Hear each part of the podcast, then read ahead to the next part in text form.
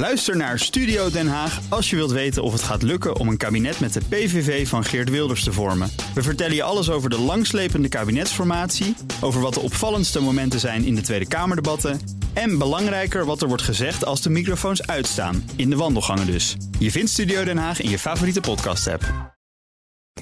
De column van Jaap Jansen. Het was een merkwaardig moment afgelopen donderdag in de Tweede Kamer. Een treurig moment. SGP en SP dienden een motie in om te stoppen met het streven naar een steeds hechter verbond tussen de volken van Europa. Die zin staat sinds 1957 in alle Europese verdragen.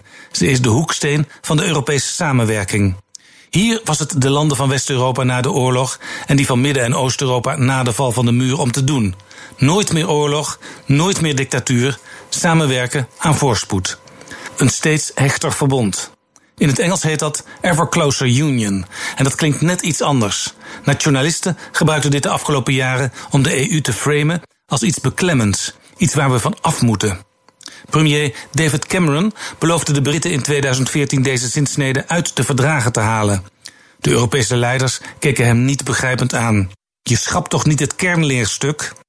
In de Tweede Kamer ontraadde premier Mark Rutte elke motie die hierop aandrong. Tot voor kort kregen zulke moties slechts steun van een handjevol partijen. De argumentatie van Rutte gaf overigens wel te denken.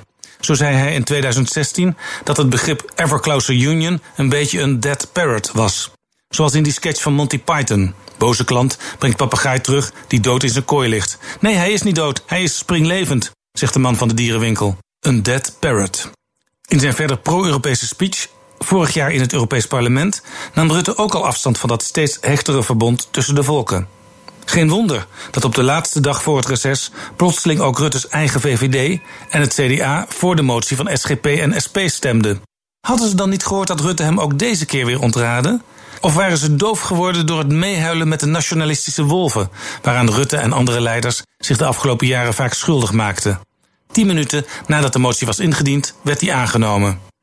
Hiermee nestelt de geest van Brexit zich in het Nederlandse parlement. En dat terwijl de Britten in een steeds diepere afgrond staren. Zij realiseren zich inmiddels wat ze met hun stem hebben aangericht. Uit de nieuwste cijfers over vertrouwen in Europese samenwerking blijkt 86% van de Nederlanders groot voorstander van de Europese Unie en het Nederlandse lidmaatschap. De steun was in jaren niet zo omvangrijk. Op het Binnenhof is dit nog niet doorgedrongen. Over drie weken mogen we naar de stembus. Ik ga stemmen voor een steeds hechter verbond tussen de volken. En dat zei Jaap Jansen, onze columnist op donderdag. Zijn columns kunt u allemaal terugluisteren op bnr.nl. En in de BNR-app vindt u ook alle andere columnisten. En ook al onze podcasts. Ook Liesbeth Staats vind je in de BNR-app. Ja, heel handig. Luister live naar Kees en mij tijdens de Daily Move. Dan blijf je ook gelijk op de hoogte van breaking news en het laatste zakelijke nieuws. En daar vind je ook alle BNR-podcasts, waaronder de Perestrooikast. Download nu de gratis BNR-app en blijf scherp.